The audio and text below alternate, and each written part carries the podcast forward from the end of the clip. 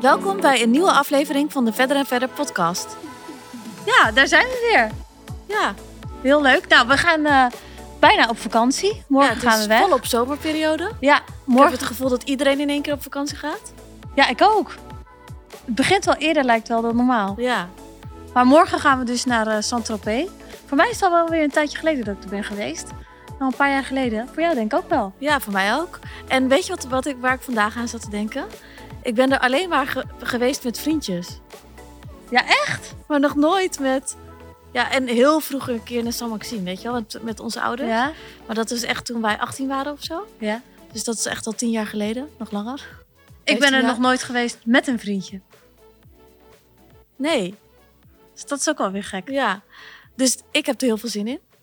Ik heb ook super veel zin in. Ik heb de planning gezien en het ziet er echt mega goed Maar je uit. moet even vertellen hoe het tot stand is gekomen.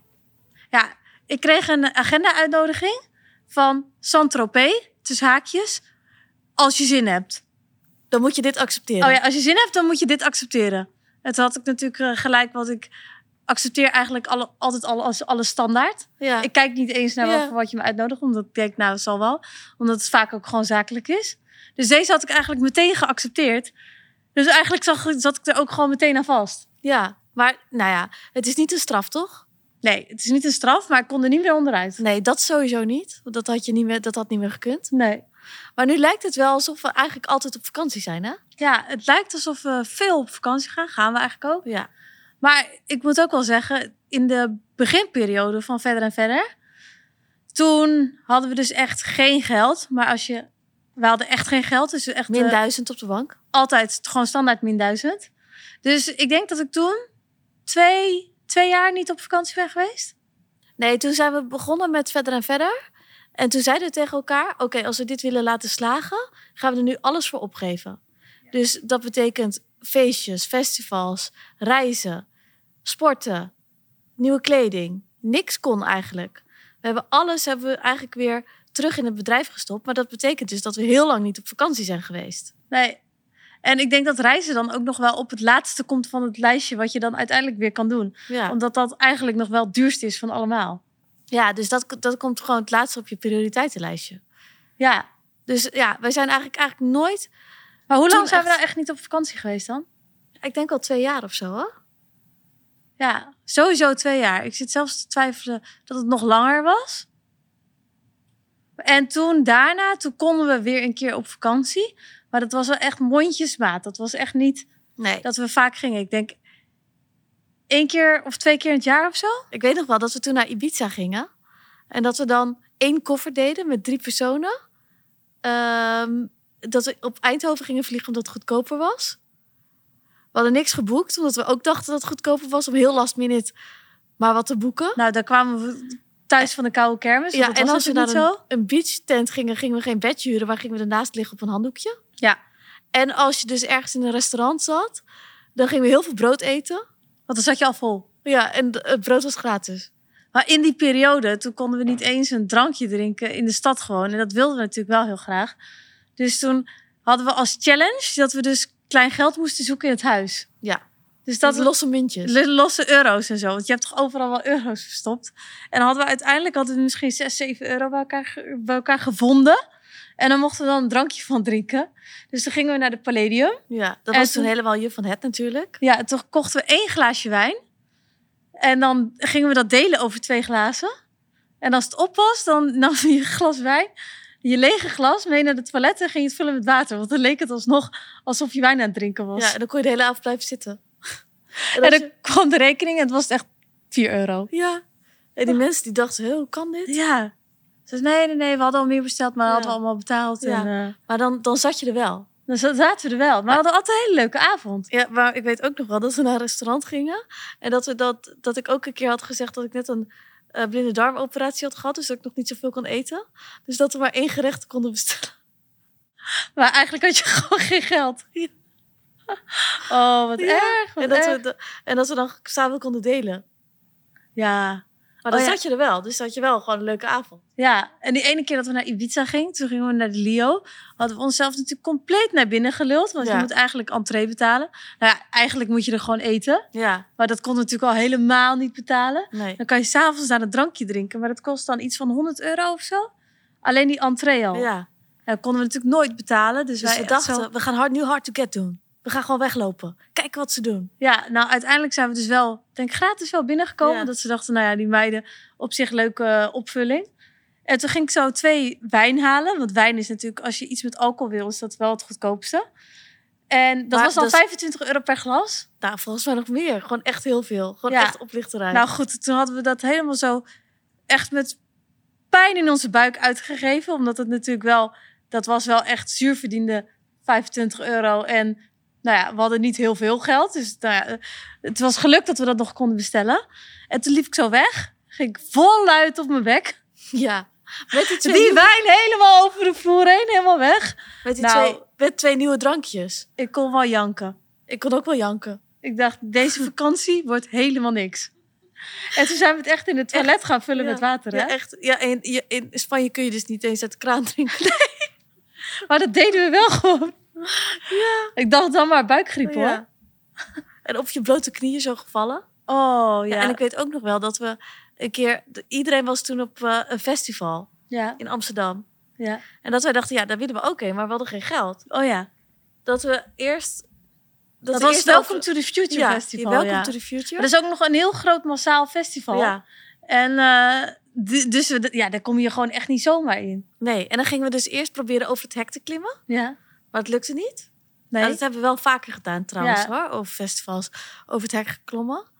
En ehm, toen hadden we daarna gezegd dat we moesten werken op dat festival. Maar toen had, was het grappig, want toen hadden we gezegd dat we bij- de sigarettenkraam moesten werken. Ja, En toen hadden we gevraagd aan mensen die er waren, hoe heet het de sigarettenkraam ja. die daar staat. En toen hadden we elkaars nummer veranderd in onze telefoon met de naam van de sigarettenkraam. En er stond de ander om de hoek. Die, nee, één stond dan bij de, bij de ingang, bij die portier, zegt ja, maar ik moet werken. ja. En die andere stond om de hoek en die ging naar jou bellen met dat nummer van die ja, sigarettenkraam. van kom je nou? Zie, ik word gebeld al. Ja, ik word gebeld. Ja, ja, ja, kom maar aan. Ik sta nu bij de De ingang. shift begint nu. Ja, de shift begint nu. Dus ik moet echt gaan. Mijn Ja. baas belt al. Ja. ja, en kun je me anders appen voor goedkeuring? Ja. Dat ik naar binnen mag. Oh ja, ja, ja, ja. Ja. Grappig. En toen zeiden ze nog... Nou, jullie zien er helemaal niet uit alsof jullie moeten werken. We hadden echt van die korte spijkerbroekjes en zo aan. ja, en toen gingen we ook met ons nichtje en die had zelfs nog een hoofdtooi op.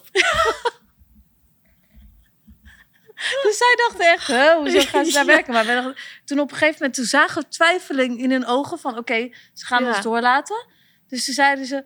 "Mm, nou, oké, dankjewel. Ja, ja. Snel er doorheen. Doei. Ja, maar ook al die andere trucjes van eh, je, hoe heet dat? Bandje zo groot mogelijk omdoen, zodat je zo je hand er zo doorheen kan persen, weet je wel? Ja. En dat, dat ik die aan jou kon geven. En dat jij dan dat bandje aan iemand anders kon geven. En dat, je zo, dat de ander op het hoekje staat. Of het eh, bandje afrukken. Dan met kauwgom zo weer aan elkaar maken. Oh, zodat je Nee, we hadden ook plakbandjes in onze zak. Dus Ja, dan konden we het zo wel, wel eraf halen en Ja. dan met dat plakbandje weer vastpakken. ja. ja. Of zo in je armbanden frommelen, weet je wel? Zodat het zo lijkt alsof die nog vast zit. Maar ondertussen valt die echt uit elkaar. Ja, maar dat vind ik wel, het- wel het ding. Iedereen ziet altijd pas als je soort van succesvol bent, dan zien ze je pas op dat moment. Ja. Maar ze weten helemaal niet waar wij eigenlijk vandaan komen. Maar wij echt- hebben dit soort dingen wel uitgevonden en verbeterd hoor. Maar het was wel al een leuke periode. Ja, want een feestje wordt extra leuker als zoiets al is gelukt. Ja, Want daarvoor heb je helemaal spanning van gaat dit lukken? Moeten we niet straks met hangende pootjes naar huis? En dan gaat het al duizend keer door je hoofd. En dan zegt iemand, zegt, nee, we gaan nog even één ding proberen. ja En nu dan is het lukt te het. makkelijk. Want en je dan koopt lukt een het. kaartje. En dan word je zo blij. Je koopt een kaartje en je, je kan sowieso naar binnen. is eigenlijk Ja. gewoon saai. Ja, eigenlijk moeten we dat weer een keer gaan doen. Ja, hek gaan knibben. en eigenlijk zou je voor de grap gewoon weer een week gewoon met hetzelfde budget als toen moeten Ja. leven. Ja. Dat is wel een leuk idee. Ja. Dat je door alle juice channels wordt gefotografeerd. Dat je over de hek aan het klimmen bent en zo. Ja, dat kan je nu niet meer doen eigenlijk. Nou, ik vind het een leuk idee. Ja. Laten we dat doen. Ja. In deze podcast hebben we weer een hele bijzondere gast. Maar dat zeggen we eigenlijk elke keer. Maar nu vind ik het echt heel bijzonder. Ik ook. Want vanochtend ging ik eh, sporten met Esther. En toen fluisterde Esther in mijn oor dat ze eigenlijk wel een beetje zenuwachtig was voor vanmiddag. Ja, ik vond het eigenlijk best wel spannend. Omdat ik gewoon Ja. vanaf jongs af aan...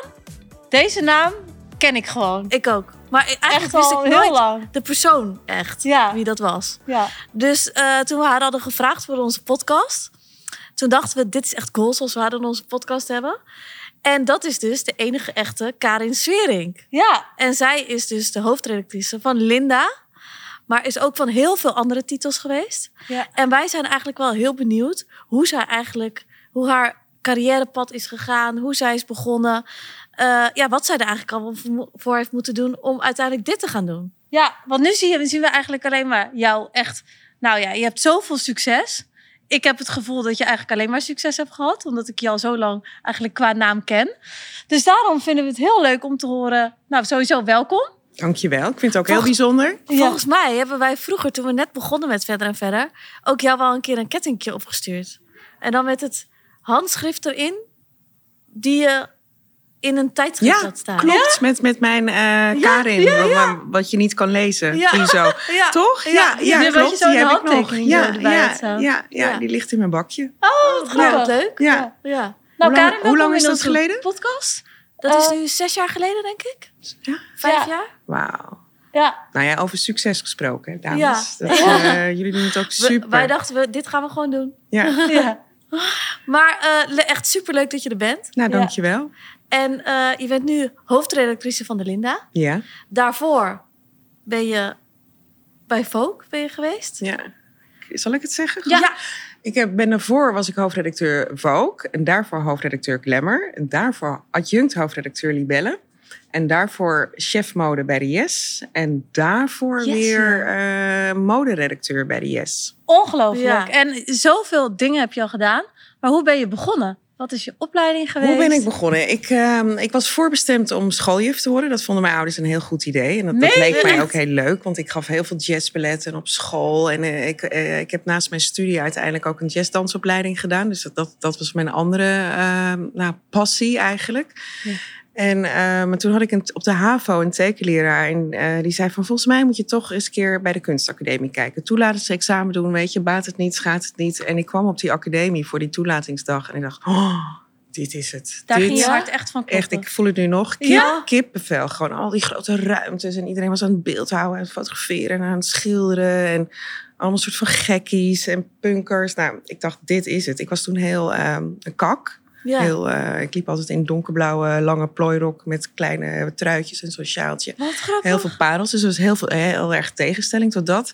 Toen heb ik die toelating gedaan. Ik was 17, dus ik weet dat ik nog uiteindelijk... Toen mocht ik komen, maar moest, mocht, ik- moest ik met mijn vader nog even naar de directeur. Want hij vond me eigenlijk te jong. Ja, heel jong ook nog. Ja. Die directeur, want het is best een heftige opleiding. Je moet heel zelfstandig zijn. En er zijn ook mensen van 30 die pas weer naar de kunstacademie gaan. En eh, die zijn, nou, ik wil je wel waarschuwen. Het is echt een heftige opleiding. En hou je dochter een beetje in de gaten. En eh bladibladibla. Maar ik ben daar begonnen. En ehm, ik vond het wel heel heftig, die academie. Omdat het heel vrij was. En ehm, dan kwam je weer op de academie. Dan was er geen docent. En iedereen. En het was heel erg van het zelf ontdekken. Weet je, ik wilde eigenlijk gewoon leren fotograferen, leren schilderen, leren Ja. beeldhouden. Maar dat was echt de, de academie in Enschede, de AKI. En die had echt zoiets van, je leert het meest van je zelfonderzoek. Oh. Oh my god. Dus, eh, maar goed, ik heb er uiteindelijk wel heel zelfstandig leren werken. En onderweg op die academie dacht ik, ja, ik wil toch wel de modekant op. Ja.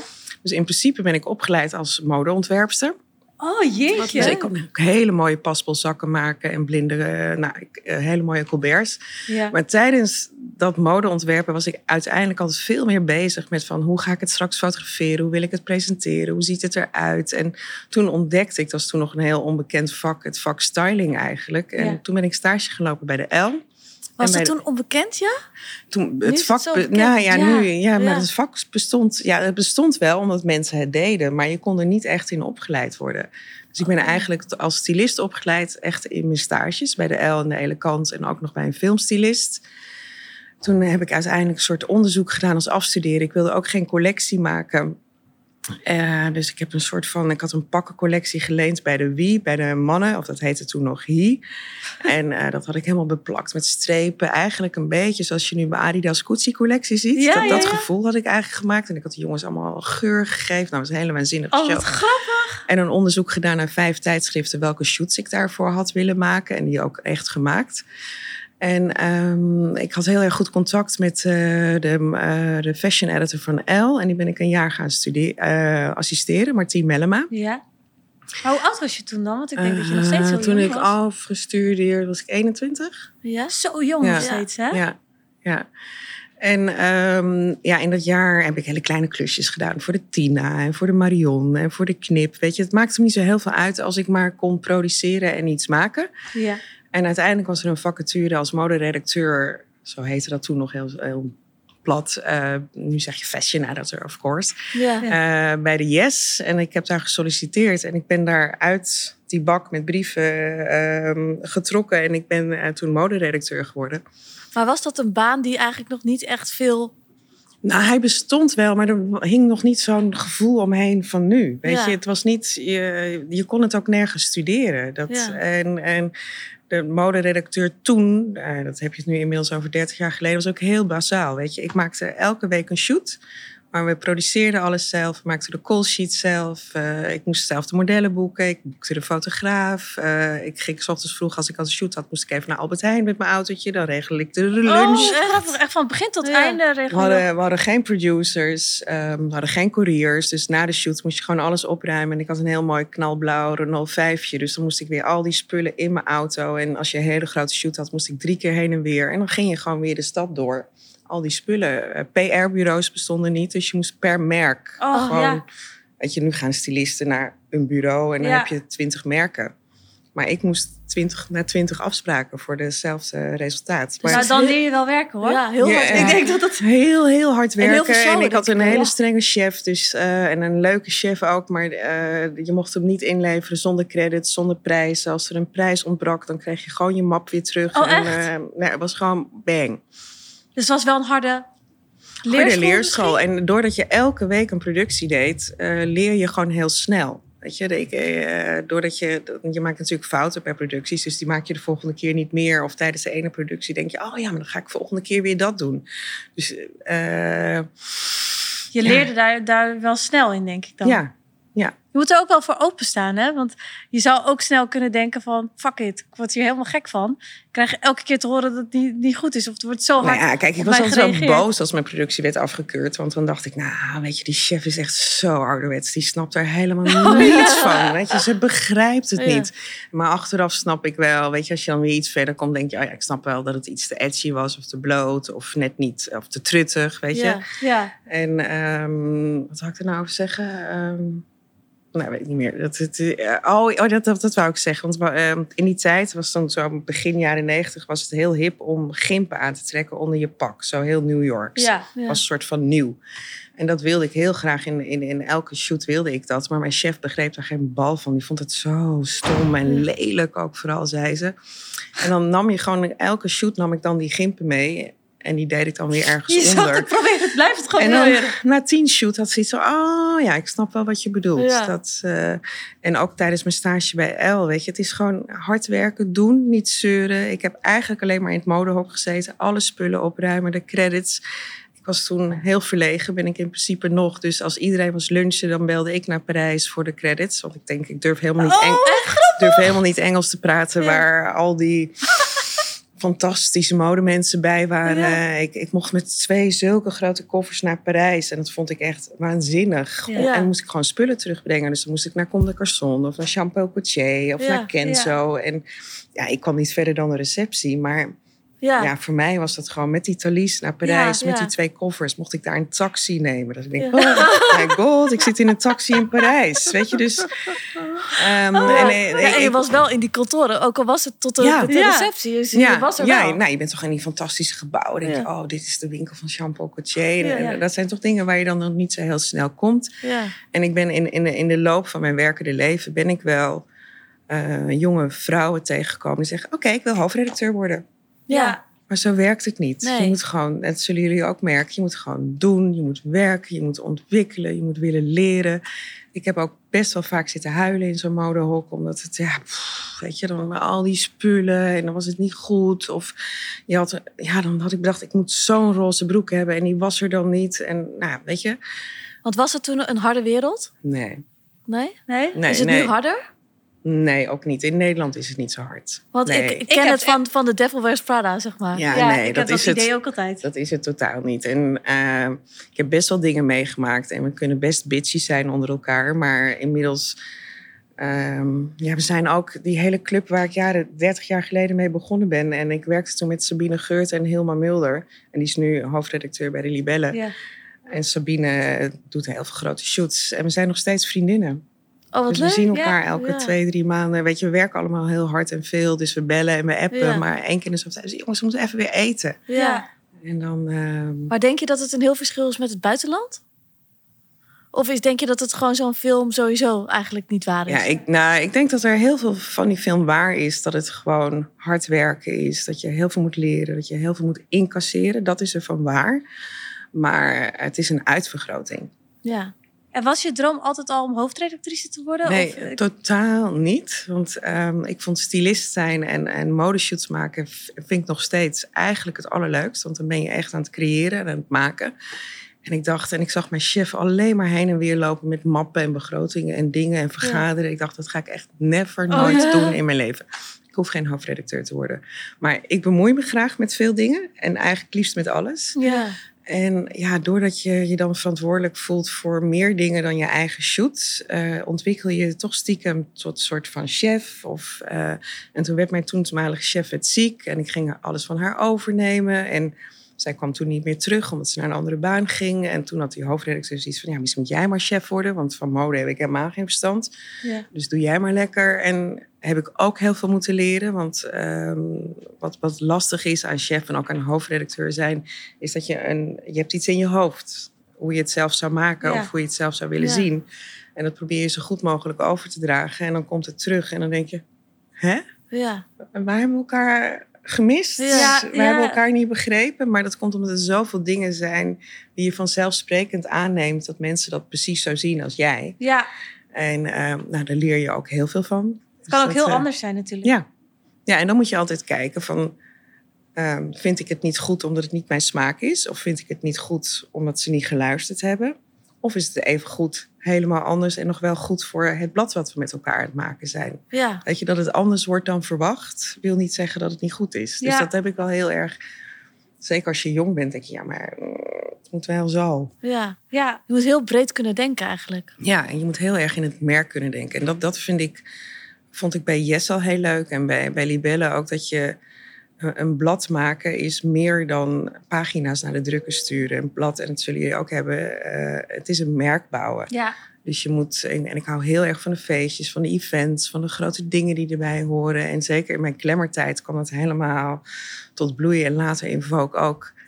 Het is groter dan die paar shoots of die twee interviews. Ja, je wordt natuurlijk ook Ja. overal voor uitgenodigd. Ik denk dat je, als je wil, kan je gewoon elke, elke avond wel ergens zijn. Of fashion shows bijvoorbeeld. Ja, ja, dat was wel. ehm ja, daar groei je ook een soort van langzaam in. En eh, van, vanuit de Yes ben ik toen naar de Libelle gegaan. En dat was heel leuk, want daar heb ik echt leren managen. Want dat was een heel groot magazine met 80 mensen. Dus dat De libellen? bij de Libelle. Ja? Ja, inmiddels Oh. zijn dat er minder. Maar in mijn tijd werkten er nog 80 redacteuren. Dus omdat.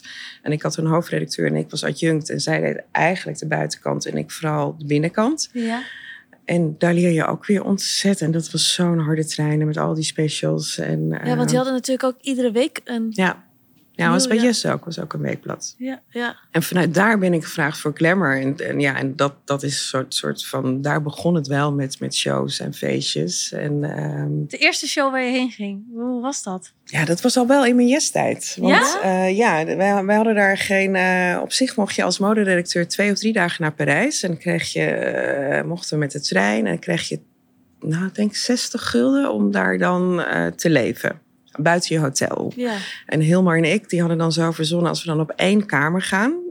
weet je, dan, hadden dus, dan konden we samen zes dagen. Ja. En, dan, en we hadden dus ook zes keer 60 gulden Ja, dan. dat is en, leuk, en ja. dan gingen we dus niet erg chic eten, maar dan haalden we ergens een broodje onderweg en een croissantje bij de bakker. En, eh, en dan gingen we naar de shows en hadden we geen kaarten voor, maar ehm, we konden heel goed chansen en flirten met, Ah. ehm, met de jongens die daar stonden. De Rouge Cravat heette dat. We hadden toen nog jongens met rode stropdassen. Eh, we gingen kaarten namaken. Soms hadden we van één show een kaart. En dan ging Hilmar naar binnen. En die kende daar dan weer iemand. En die kwam met twee kaarten naar buiten. En dan ging je weer met z'n tweeën naar binnen. En ik denk dat dat mijn eerste show was van eh Castel Jacques. Bestaat niet echt Ja. meer. Of ik kan me nog heel goed herinneren. Thierry Mugler was in die tijd heel groot. En, ehm, maar mijn eerste Chanel show heb ik pas echt gezien in mijn Oeh, glamourtijd. Wel grappig, want we hebben net een intro voor deze podcast ingenomen. En daar vertellen we over hoe wij, toen we geen geld hadden, overal onszelf naar binnen kletsten. En, en nu vertel jij precies hetzelfde. Dus Ja, maar dat, is.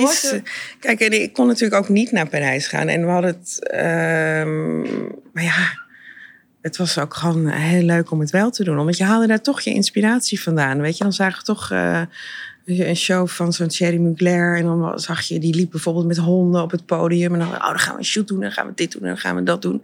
ging ook heel veel op reis in mijn yes-tijd. Dan ging ik met, eh, gingen we twee weken naar Miami. En dan met z'n allen, met, met, de- met de stylistes. En eh, met twee fotografen. En dan deden we vier shoots per dag. Zo. Niet normaal. Ja, twee 's ochtends, twee 's Dit is middags. wel echt hard werken hoor. Ja, en dan hadden we de hele zomer, schoten we gewoon in twee weken. En dan gingen we nog tien dagen naar Kaapstad. En we gingen ook altijd, eh, nou, het was echt ochtends vroeg beginnen als de zon opkwam. En tot een uur of vijf, zes gaat daar de zon onder. En dan was het flop, gooiden we al die kleren in het hotelkamer. Gingen we uit eten, gingen we dansen. Kwamen we 's ochtends om drie uur terug. Nee. Even gauw douchen, tanden poetsen. En dan moest je alweer strijken Nee. voor de volgende shoot. Ging je Ja. gewoon door. ja, ik was echt brak als ik terugkwam van een reisje. Maar niet omdat, ja, ook wel van het schieten. Maar Ja. ook omdat we Je Ja, leefde dan- gewoon voor tien. Ja, Ja. moesten al die vintage shops af in Miami. Dat, eh, ja, dat, dat mis ik nog wel. Ja, dat snap ik. En jij hebt natuurlijk wel de tijd van alles print ook naar online zien gaan. Omdat je natuurlijk al best wel lang in het vak zit. Kijk, voor ons is het natuurlijk heel normaal dat het eigenlijk zo eh, is gegroeid. Maar hoe vond jij dat? Dat in één keer alles een beetje verschoof naar online. Ja, het gaat natuurlijk heel geleidelijk. Ja. Weet je, dat, eh, ik kreeg pas mijn eerste Libelle tele, bij, bij Libelle mijn eerste mobiele telefoon toen ik daar hoofdredacteur was. En toen heb ik ook nog heel lang gedacht, heb ik eigenlijk helemaal niet nodig. Weet je, ja, zo denk je dan Ja, eventjes. En ik weet dat ik toen, ik ben net bij Glamour begonnen, of toen we Glamour gingen lanceren en dat aan het voorbereiden waren, heb ik nog enorm moeten lobbyen bij mijn toenmalige uitgever. Van als we Glamour lanceren, wil ik een website. Ja, Ze zei, "Oh, een website, wat moet je nou met een website? Ja, Ja, maar dat is gewoon van nu. ja. En, eh, en hetzelfde toen we Vogue lanceerden, eh, zijn we eigenlijk eerst begonnen op Facebook en op Instagram. Nee, dat bestond toen denk ik op Facebook. Dat je al van tevoren kon je je abonneren en lid worden van de Facebookgroep van Vogue. En ja, het gaat zo geleidelijk. Ja. Maar Dus het is het wel- voelt voor mij niet als een grote verandering, maar meer als iets wat er ook nog bij komt. En waarin je, en als, als hoofdredacteur of als moderedacteur ben je echt een eh, verhalenverteller. En of je dat nou voor print doet of online, of zoals dit in een podcast of in een film, als het maar tot uiting komt. Maar ik ben in principe wel print en fotografie. Heeft toch wel mijn voorliefde. Ja. En dat vind ik in een blad toch het, of een boek het best tot uiting komen. ja. Dus jij dat ziet het wel ook. alleen maar als een extraatje, zeg maar. Ja, ik weet dat het heel ouderwets is, maar eh, ja. ja, ik vind dat alleen maar mooi. En Ja. had jij vroeger ooit verwacht dat je dit pad zou gaan bewandelen? Nee, nee, helemaal niet. Nee, Ook nee. zo succesvol zou zijn. Is het niet dat je altijd al dacht, ik, ik ga zo succesvol worden? Nou, er was wel. ehm, Kijk, mijn ouders wilden heel graag dat ik juf zou worden. Ja. En eh, die zijn nu heel trots hoor. Maar die hadden ook echt zoiets van... Je kan daar gewoon je geld niet in verdienen. Ja. weet je, lieve schat, weet je, doe, kies verstandig. En ehm, wat moet je daar? En, en dat is denk ik achteraf wel een soort drijfveer geweest. Dat ik dacht, dat ik dacht van, weet je, niet heel veel geld verdienen. Maar ik zal wel zorgen dat ik gewoon ehm, mijn zaak op orde heb. En dat je hier gewoon een baan in kan krijgen. Ja. En ik weet ook nog net na de academie gingen ook al mijn collega-studenten... die gingen in een atelier werken of nog voor zichzelf werken. Of die gingen misschien wel in Parijs iets doen. En ik had echt zoiets van, ik moet een baan. Ik wil gewoon een baan. Ja. Weet je, ik wil gewoon een serieuze baan. Dus daarom ben ik ook zo hard gaan eh, assisteren. Totdat ik die baan bij de Yes kreeg.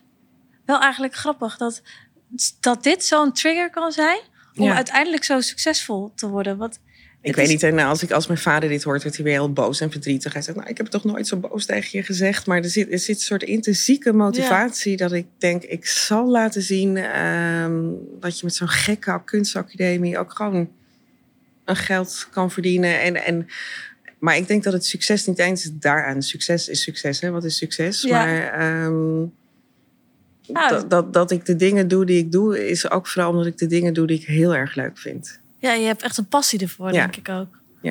Te- is, eh, Tegen ons zeiden ze ook altijd... eh, hoezo gaan jullie een sieradenmerk op? Ook mijn ouders. Hoezo Ja. gaan jullie een sieradenmerk opzetten? Iedereen heeft een sieradenmerk. En ja, waarom? Ga er gewoon voor een baan werken. En dan heb Ja. je iets... ja, Eh, zekerheid, ja, stabiliteit. Ja, en dan ja. heb je een, een pensioenopbouw, zeiden ze. En dat soort dingen. En verzekering. Ja. En nou ja. Nee, En het, nu- is, het, is, het, is, het is ook, het is gewoon belangrijk dat je dingen doet die je leuk vindt, waar je goed in bent. Ja. Ehm, waar je durft te leren en waar je ook durft fouten te maken. En ik ben ook nooit bezig geweest met mijn cv. Dus ik heb nooit bedacht, ik wil hoofdredacteur worden van een Vogue of van een modeblad. Of, ehm, het is bij mij altijd heel geleidelijk gegaan. En hetzelfde eh, dat ik nu bij Linda werk. Ik was het moment bij Vogue dat ik dacht van... Ik werd toen bijna 50. Denk, nou, wat, hoe ziet dan de rest van mijn leven eruit? Wil ik tot mijn pensioen bij Vogue of wil ik nog wat anders? En een week later belde Yildo, de toenmalige hoofdredacteur, van... Kom je eens praten, we zoeken een hoofdredacteur. Ik dacht, nou, Ja. Zo- kan, zo zie je Ja. hoe het soms kan lopen. Hè? ja, En heb je nu nog dromen of doelen? Of... Eh, dromen, doelen. Eh, nee, ik ben hier nog lang niet klaar. Dus ik kan hier echt nog wel. ehm, er zijn nog. eh, ja, nee, dit, dit moet nog groter, beter. Nou, niet dat het nu niet goed is, maar weet je, gewoon accentverschillen. En, en het is heel belangrijk dat je een tijdschrift op de tijd houdt. Dus dat je niet gaat zitten slapen. We hebben Ja. het heel leuk en al prima, leuke shootjes, leuke Ja, ja. BN'ers en weer door. Nee, hoe moet het anders? Hoe moet het volgende maand? Hoe ziet het er volgend jaar uit? Dus daar heb ik nog wel heel veel plannen voor. En die Wat gaat het anders worden? Nee, niet eens. Maar dat ontwikkelt zich zo eh, per week, per maand, per shoot, per nummer, per jaar. Weet je, we hebben nu net de jaarplanning voor heel 2023 af, de thema's. En eh, ja, dan kan ik toch een paar nachten niet slapen. Dan denk ik, oh ja, dan doen we die cover doen we zo en die Ja. cover doen we zo. Ja. En daarna, ik weet het niet. Ik ben daar nooit zo mee bezig. Nee. Want ik denk als je nu je cv op een papiertje zou schrijven... is het wel een heel bijzonder cv. Uiteindelijk. Ja, maar voor mij voelt dat niet zo. Nee? Nee, nee het is als, je- als mensen dat tegen me zeggen, denk ik, oh ja, het is natuurlijk best wel bizar dat je een van de twintig hoofdredacteuren van Vogue bent Ja. geweest, wereldwijd. Ja. Maar als je bezig bent, is het gewoon een, nou, niet gewoon, maar Wat is het mooi ook dat een je zo baan. bescheiden Ja. bent. Ja. Nee, maar het heel is. mooi. Weet je, en, en, en natuurlijk zie je op de Instagram, en dat heb ik in mijn, mijn Vogue-leven ook gehad. Je, je gaat naar de shows en je hebt events. ehm, je gaat naar Rio de Janeiro voor een show van Louis Vuitton in een waanzinnig museum. En dan mag je bij die eten en daar eten. En daar is een borrel en daar is een feest bij het zwembad. Allemaal fantastisch. Maar het is ook een baan. Maar is die wereld echt zo glamorous? Als... Die stukjes zijn heel glamorous. Ja? Ja? maar weet je, je komt wel s'nachts om drie uur terug op Schiphol. En dan eh, moet je met je koffers loop je Ja. naar je auto. En ehm, weet je, we wonen toch in Nederland. Ik bedoel, ik word niet als Anna, of ik werd niet als Anna Wintour door mijn eigen driver opgehaald. Ik moest Nee. gewoon naar het parkeergarage en mijn De auto. Ja. En dan kwam ik thuis en dan zei mijn man: Oh ja, ik heb geen tijd gehad voor de was, dus die ligt nog daar. En Oh ja. Ja. Fucking hell, ik zat in New York en nu Ja. sta ik hier weer de hond, Ja. eh, met Sta de hond uit en te wassen. Maar ja, dat doen we allemaal. Maar Want werk jij veel? Ja. Veel dan, eh, want waar moet ik aan denken? Want je hebt, ja, je hebt ook een privéleven, je hebt ook een eh, man en je hebt een kind. Dus, Mm, Ja, Hoe gaat dat? Drie kinderen zelfs. oh, Ehm, ja, ik werk gewoon heel veel. Maar dat gaat een soort van, weet je, als je het leuk vindt. En ik vind het echt niet altijd leuk, hè, dus het klinkt niet wel de Fabulous Life. ehm, gaat het ook wel een soort van zelf. Dus ik, ik, ja, ik check altijd 's ochtends vroeg om zeven uur even mijn mail. En dan eh, in de eerste appjes. En dan breng ik mijn, mijn zoon naar school. Ga ik naar kantoor. Ehm, meestal sta ik om een uur of zeven nog ergens op een parkeerplaats vlak bij mijn huis. Ik even gauw de laatste mailtjes, appjes. Want dat, ik vind het heel irritant. Of mijn man vindt het heel irritant als ik zo, Ja. zo thuis kom. En dan ga ik, breng ik mijn zoon naar bed. En dan kijk ik nog even de mail en de appjes en de Netflix. En dan, eh, Maar je Ja, werkt dus altijd wel tot zeven uur s'avonds dan? Of- ja, Dat vind ik best wel knap. ja. Is dat knap? Je hebt mensen die lopen een marathon. Dat vind ik veel knapper. Ja, dat vind ik ook wel knap hoor. Ja. Nee, maar omdat Zo het ook Ja, het is niet een, een Weet je, en, 9 en, tot 5 aan, en denk niet ik. alles wat ik doe in mijn werkend leven voelt als werk. Ja. Weet je, je zit ook met je collega's te appen. We hebben ook flauwe grappen tussendoor. Ik, ik zie beelden op de Instagram, die stuur ik naar mijn chef beeld. Ja. Ehm, ik zie een, eh, een interview met eh, puntje, puntje, puntje. Dat stuur ik even door naar de hoofdredacteur van, van, van Linda Meijden. Dus dat voelt voor mij niet als werk. Dat voelt gewoon meer, ik zie dingen, ik voel dingen. En Ja. dat, dat wat soort van wat je doorgeeft. En als, we hebben heel veel brainstorms en vergaderingen die ook alleen maar leuk zijn. Omdat we gewoon heel hard zitten te lachen. Ja. Dat is geen werk. Maar ik kan me wel voorstellen dat jij best wel onder hoge druk staat. staat want je, hebt, je wil en een leuk blad wil je uitgeven. Maar je hebt natuurlijk ook heel veel belangen van adverteerders. Het moet allemaal... Ja, het moet natuurlijk ook heel veel geld eigenlijk opleveren. Ja, het moeten goede onderwerpen zijn. Allemaal die, Ja, die onderwerpen zijn niet moeilijk, want we hebben er altijd veel te veel. Dus het is Ja. bijna moeilijker om te skippen dan Ja. te zoeken naar een, eh, een onderwerp. En ja, adverteerders zijn ook leuk. Dat, ik heb er niet. Ja, Klinkt het allemaal klinkt heel allemaal- mooi. Nee, nee. Ik, ik, zit, ik rij echt wel eens chagrijnig naar huis. En er zijn ook, zoals gisteren had ik een dag en dan heb ik op één dag twaalf afspraken. En eigenlijk voor elke afspraak te weinig tijd. En tussen je afspraken geen tijd om te eten, plassen Ja. en je mail te doen. En dan denk ik, "Oh, ik wil eigenlijk stylist worden. Ik wil gewoon naar het strand Ja. en daar wil ik een shoot doen. En weet je, dus dan heb ik wel. ik wil tot drie uur eh, stappen en dan om vijf uur Ja. strijken. en dan, en, dan, dan- dan- maar dat, dat gevoel van dingen echt produceren. Dus dan, eh, en dat zijn wel dagen dat ik denk, oh ja, ik, was, ik ben eigenlijk hoofdredacteur. Ik wil een blad maken en ik wil niet de hele dag vergaderen. ja. En dan moet ik gewoon weer even heel goed. En het is nu bijna vakantie, dus ga ik Ja. in de vakantie weer even Terug naar je nadenken. passie. Nadenken over mijn agenda. Denk, wat kan er allemaal uit? En wat kunnen andere mensen doen? Of waar ga ik me gewoon niet meer mee bemoeien?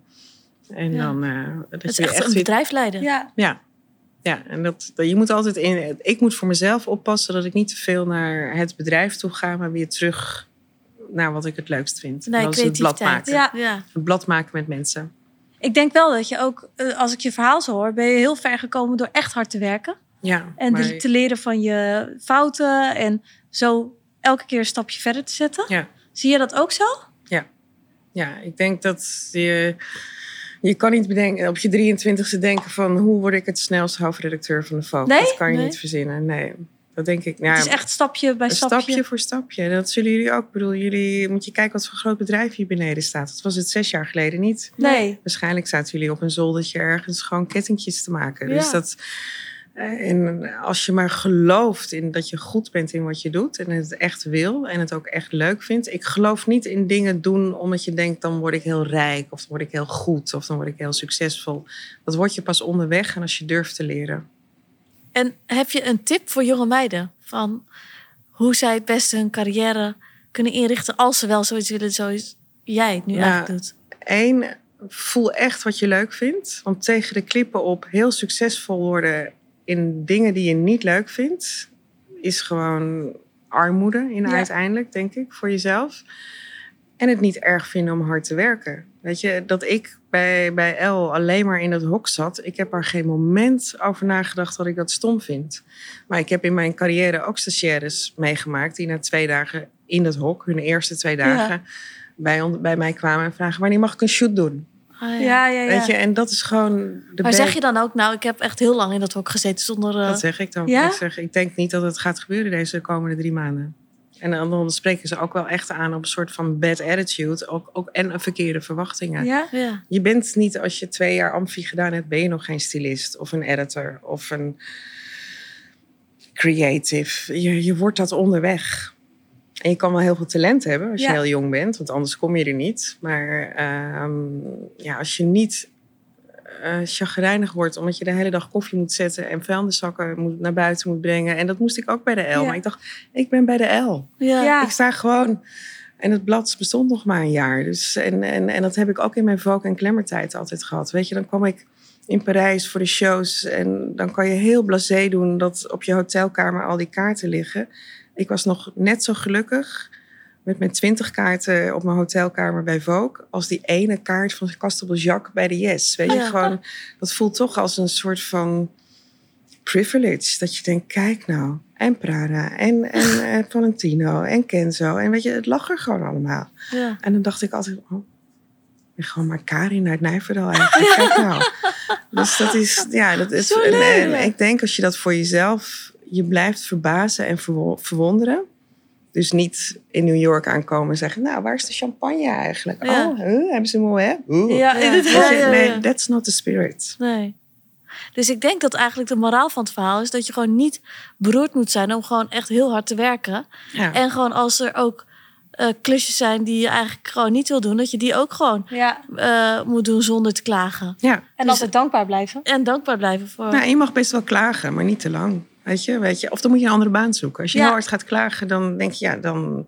Waarom zou je klagen? Want ik denk wel als je bereid bent om er meer voor te doen dan eh, je collega, zeg maar, dan valt het op een gegeven moment op in een bedrijf. Ja, En mensen zien dat. Ja. ja. En eh, de mensen die proactief handelen, daarvan wordt het ook gezien. En ik denk dat je dan stapje voor stapje steeds dichter bij je doel of droom kan komen. Dat denk ik ook. En, en, en, en ja, gewoon niet bang staan om echt met je, met je voeten in de modder te staan en je armen omhoog. Ja. En ik denk dat jullie hier ook meiden in het bedrijf hebben die als laatste toch nog even de dingetjes doen of even opruimen. En, en je hebt meiden die denken, oh is het feestje voorbij, ik ga naar huis. Ja. ja.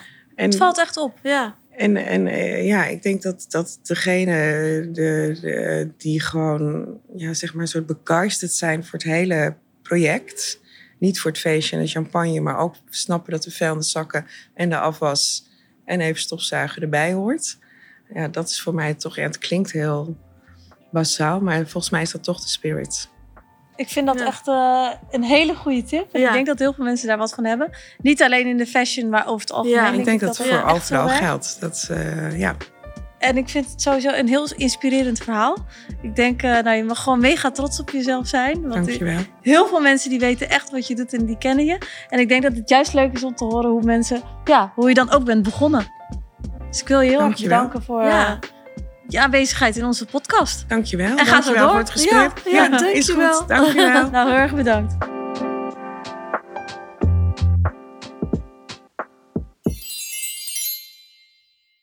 Deze week hebben we weer een nieuwe Story Behind the Jewelry. Eigenlijk is eh, deze vraag is in onze inbox terechtgekomen op Instagram. ja, want je kunt ook even een mailtje sturen als je eh, d- eh, bij betrokken wil worden en je verhaal wil vertellen. En dat kan naar marketing verder-verder.com. En wie weet zit jij volgende keer eh, in onze podcast. En deze week hebben we dus Jaylin bij ons hier zitten. En eigenlijk heeft zij een berichtje gestuurd. Niet, niet helemaal namens jezelf, maar eigenlijk voor iemand anders. Ja, Dus heb- eigenlijk, eh, ja, daar willen we eigenlijk wel meer van horen. Ja. Want wij vonden het een heel mooi verhaal. Ja, ik, eh, ik zit hier niet voor mezelf vandaag. Ik, ik heb een berichtje gestuurd eh, naar jou en naar jullie samen natuurlijk, want jullie doen alles samen. Ja. Maar ik heb een berichtje gestuurd voor eh, mijn ziekenhuisvriendin, mijn dierbare ziekenhuisvriendin Margot. Want hoe ben je met haar in contact gekomen? Want Nou, wat is een ziekenhuisvriendin? Mijn ziekenhuisvriendin, dat is een hele goede Ja. vraag inderdaad. Wat is een ziekenhuisvriendin? Ehm, nou ja, onze beide dochters hebben neuroblastoomkanker, hoogrisico stadium 4. En eh, kinderkanker dus. En alle kinderen met kanker die worden behandeld in het Prinses Maxima Centrum in Utrecht. Dus op het moment dat je kind kanker heeft, en, eh, dan ga je daarheen. Ja, Daar ja. start de behandeling. En hoe oud zijn jullie dochters? Haar dochter Mila, die is drie. En mijn dochter is in december vier geworden. Jeetje. Oh, zo jong hè? Ja. Ja, ja. Echt eh, heel jong. En hoe ben jij daarachter gekomen? Bij mijn eigen dochter begon het vorig jaar mei. En ze had in één keer een bult onder haar ribbenboog. Zo groot als de vuist van mijn man. Oh. In één keer uit groot. het niets. Ja, het was echt, echt zo Ja. groot. 12 bij 13 bij 11 centimeter. Jeetje. Ja, dus daar schrokken wij heel erg van. En toen zijn we naar de dokterswacht gegaan. En de dokterswacht, eh, die eh, er zijn drie artsen bij geweest. En die zeiden, het is een buikwandbreukje. Maar ik vertrouwde het niet. Dus ik zei van, hè, we gaan de volgende dag gaan wij naar de huisarts toe. Want waarom vertrouwde jij het niet? Omdat ze geen echo hadden gemaakt. Hè, een buikwandbreukje komt ook niet heel vaak voor bij meisjes van die leeftijd. Überhaupt niet vaak bij meisjes. En iets in mij zei van, dit klopt niet. De Het was gewoon een- is Ja. toch echt... eh, het is echt leidend hoor, ja. echt waar. Dat hoor je wel vaker. Ja, en nou ook. Dat was echt eh, leidend. Dus de volgende dag zijn we naar de huisarts gegaan. En de huisarts die zei van nee, ik vind het een beetje een gekke plek voor een buikwandbreukje. ik ga jullie toch eh, doorsturen naar de kinderarts. En de kinderarts, uh, dokter Wilsterman, is echt een geweldige arts in Drachten. Die wist meteen dat het geen buikwandbreukje was. Die wist meteen dat het uh, of een wilmstumor of een neuroblastoom was. Ja. Want een neuroblastoom, dat is een tumor. Dus ze zeggen ook heel vaak het is bijnierkanker, omdat de tumor altijd op de bijnier zit. Mhm. Maar dit keer was de tumor zo groot dat ze niet konden zien of het op de nier zat of op de bijnier. Dus vandaar dat hij uh, hè, twijfelde tussen wilmstumor of neuroblastoom. Uiteindelijk was het toch een neuroblastoom. Ja. En toen, uh, ja, dan beland je natuurlijk echt in een uh, rollercoaster. Een enorme rollercoaster. Van een of ja. moment, lijkt mij. Een week voordat we daarachter kwamen, was ik namelijk, had ik net een positieve zwangerschapstest gekregen.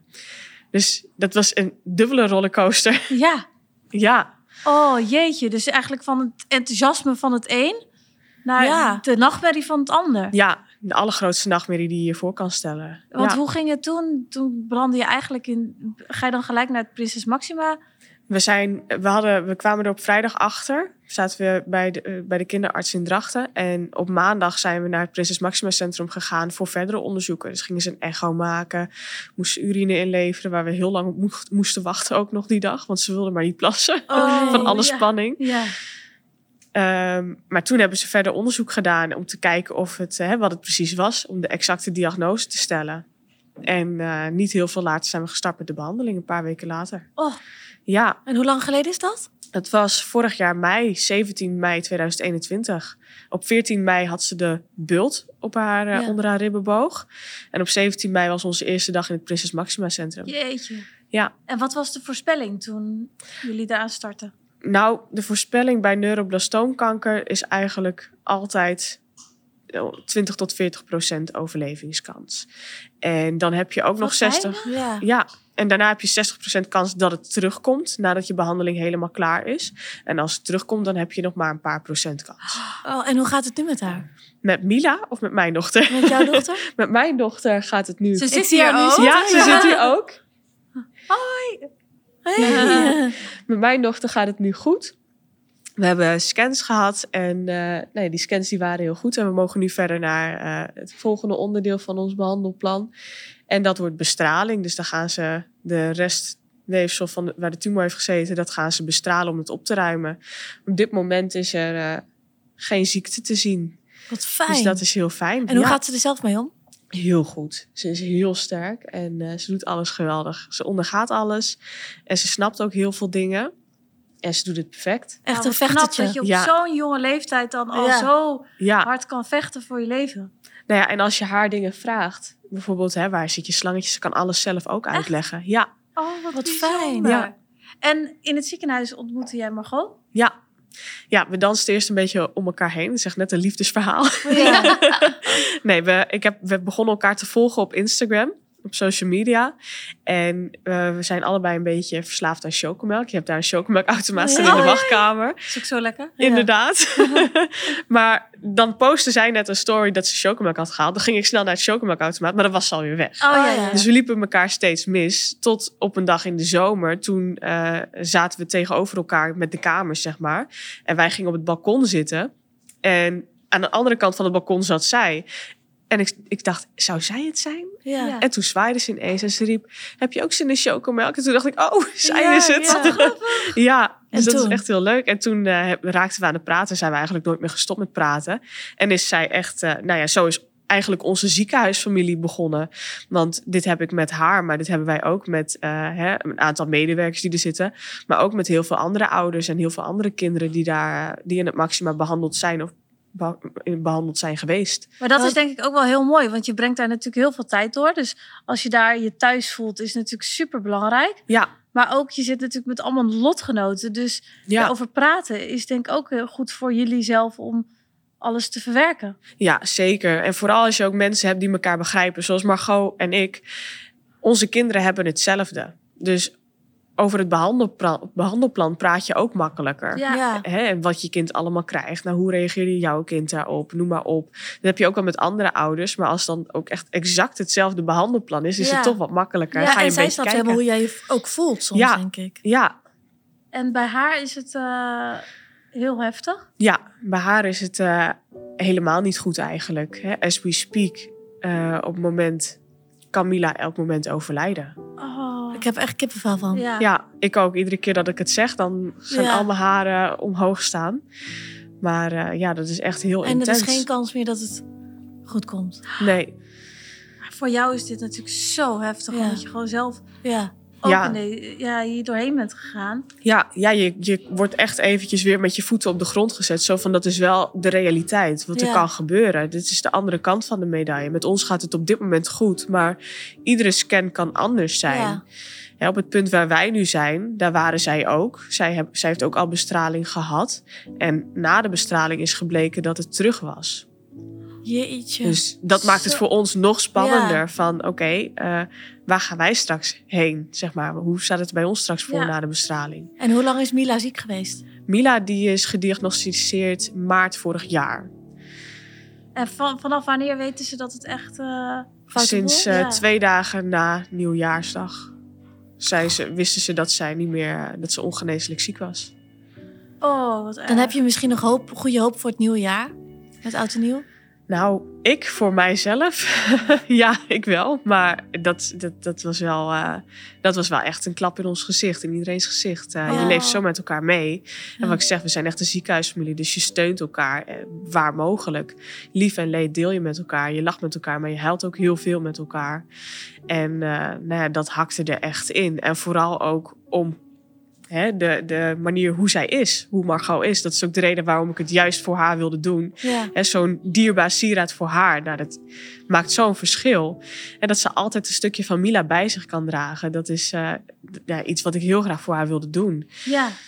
Zij doet namelijk voor andere kinderen in het ziekenhuis doet ze heel veel. Ze komt iedere keer dat zij in het ziekenhuis kwam, tassen vol met cadeaus voor kids. Oh, voor ah. alle andere kinderen. Hoe erg zij ook in een situatie zit, ze denkt alleen maar aan anderen. Maar wat knap is dat, Ja. hè? Ja. Dus dat je zelfs, ondanks wat je zelf meemaakt, nog steeds aan andere mensen kan Ja, denken. ze is echt een powervrouw. En nou ja, dat is nog niet eens alles. Want het, het wordt nog schrijnender namelijk. Haar dochter is ongeneeslijk ziek. Maar eh, vorig jaar maart zijn ze erachter gekomen. Maar daarvoor woonde zij eerst in Brussel. Zij en haar man en hun drie dochters. En ze hadden twee horecazaken. Die liepen heel goed tot corona. Oh, ja. En toen ging een van de zaken ging failliet. Toen moesten ze hun huis uit. Noodgedwongen zijn zij, eh, is zij met haar drie dochters bij haar ouders gaan wonen. Hier in Nederland. En haar man Karim die is gaan redden wat er te redden viel bij de andere horecazaak. En twee dagen nadat zij bij haar ouders was ingetrokken... kwamen ze erachter dat Mila kanker had. Oh, Ja. Wat erg. En Ja. al die tijd heeft zij eh, bij haar ouders moeten wonen. En heeft ze haar man moeten missen. En hebben de kinderen hun vader heel veel moeten missen. Dus, en toch is Alles die vrouw elkaar zo dan. sterk dat Ja. zij voor alles en iedereen alles doet. Dus dit is echt het allerminste Ja. wat ik voor haar Ja. kon doen. Iets tastbaars geven, Ja. zodat ze Mila altijd bij zich kan dragen. Maar weet je wat ook wel raar is? Dat, tenminste, dat vind ik echt heel hard dat ik dat zeg. Maar misschien tegen de tijd dat deze podcast wordt uitgezonden, dat ze er ook niet meer is. Ja, dat is Dat is dus hoogstwaarschijnlijk. echt Ja. Ja, heel erg. Ja. Ik vind echt, ik, eh, Ik weet niet eens wat ik moet Ja. nee, ik vind het echt verschrikkelijk. Helemaal. Ik denk dat het voor, voor jou is het moeilijk, maar voor haar kan ik me niet voorstellen hoe dit is. nee, Nee. ik ook niet. En ik hoop dat ik dat ook nooit mee hoef te Nee. maken. Maar ja, ik ben blij dat, dat we haar met z'n allen kunnen steunen. En ook jullie, dat jullie mij willen helpen om Ja. iets Ja. moois voor haar eh, te, Nou, te geven. Iets ja. Volgens mij wordt het As We Speak gemaakt. Dus eh, het wordt sowieso, of je kan het zo meteen meenemen. Want wat is dat? Een fingerprint sieraad. Ja, En met daarin eh, haar vingerafdruk natuurlijk. ja, van Mila. Dus dat is gewoon iets wat ze dan voor altijd bij zich kan dragen. ja. En dat is eigenlijk ook eh, jouw vraag natuurlijk.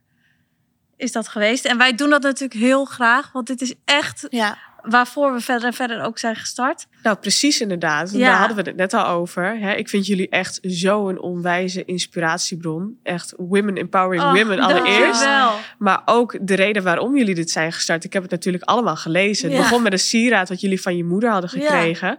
En in die zin zagen jullie natuurlijk die gat in de markt. Van hè, er moet iets persoonlijkers komen. En daar ben ik het helemaal met jullie eens. Want dat was er niet. Nee. Ja. Dat was er gewoon niet. Ik vind het ook nergens anders dan bij jullie. En dan ook echt de kwaliteit die jullie leveren, hè, bedoel ik dan ook. Het is niet een, een simpel dingetje. Het is echt zelf gemaakt hier. En dat, dat verbaast mij zo enorm dat het hier allemaal ook gebeurt. Ah, Nou, zo ik lief vind dat het- je dat zegt. Ja. Ja, ik meen het oprecht. Het komt echt uit mijn hart. Ik vind het echt nou. prachtig. Nou, wij vinden het ook heel bijzonder dat wij ons steentje kunnen bijdragen.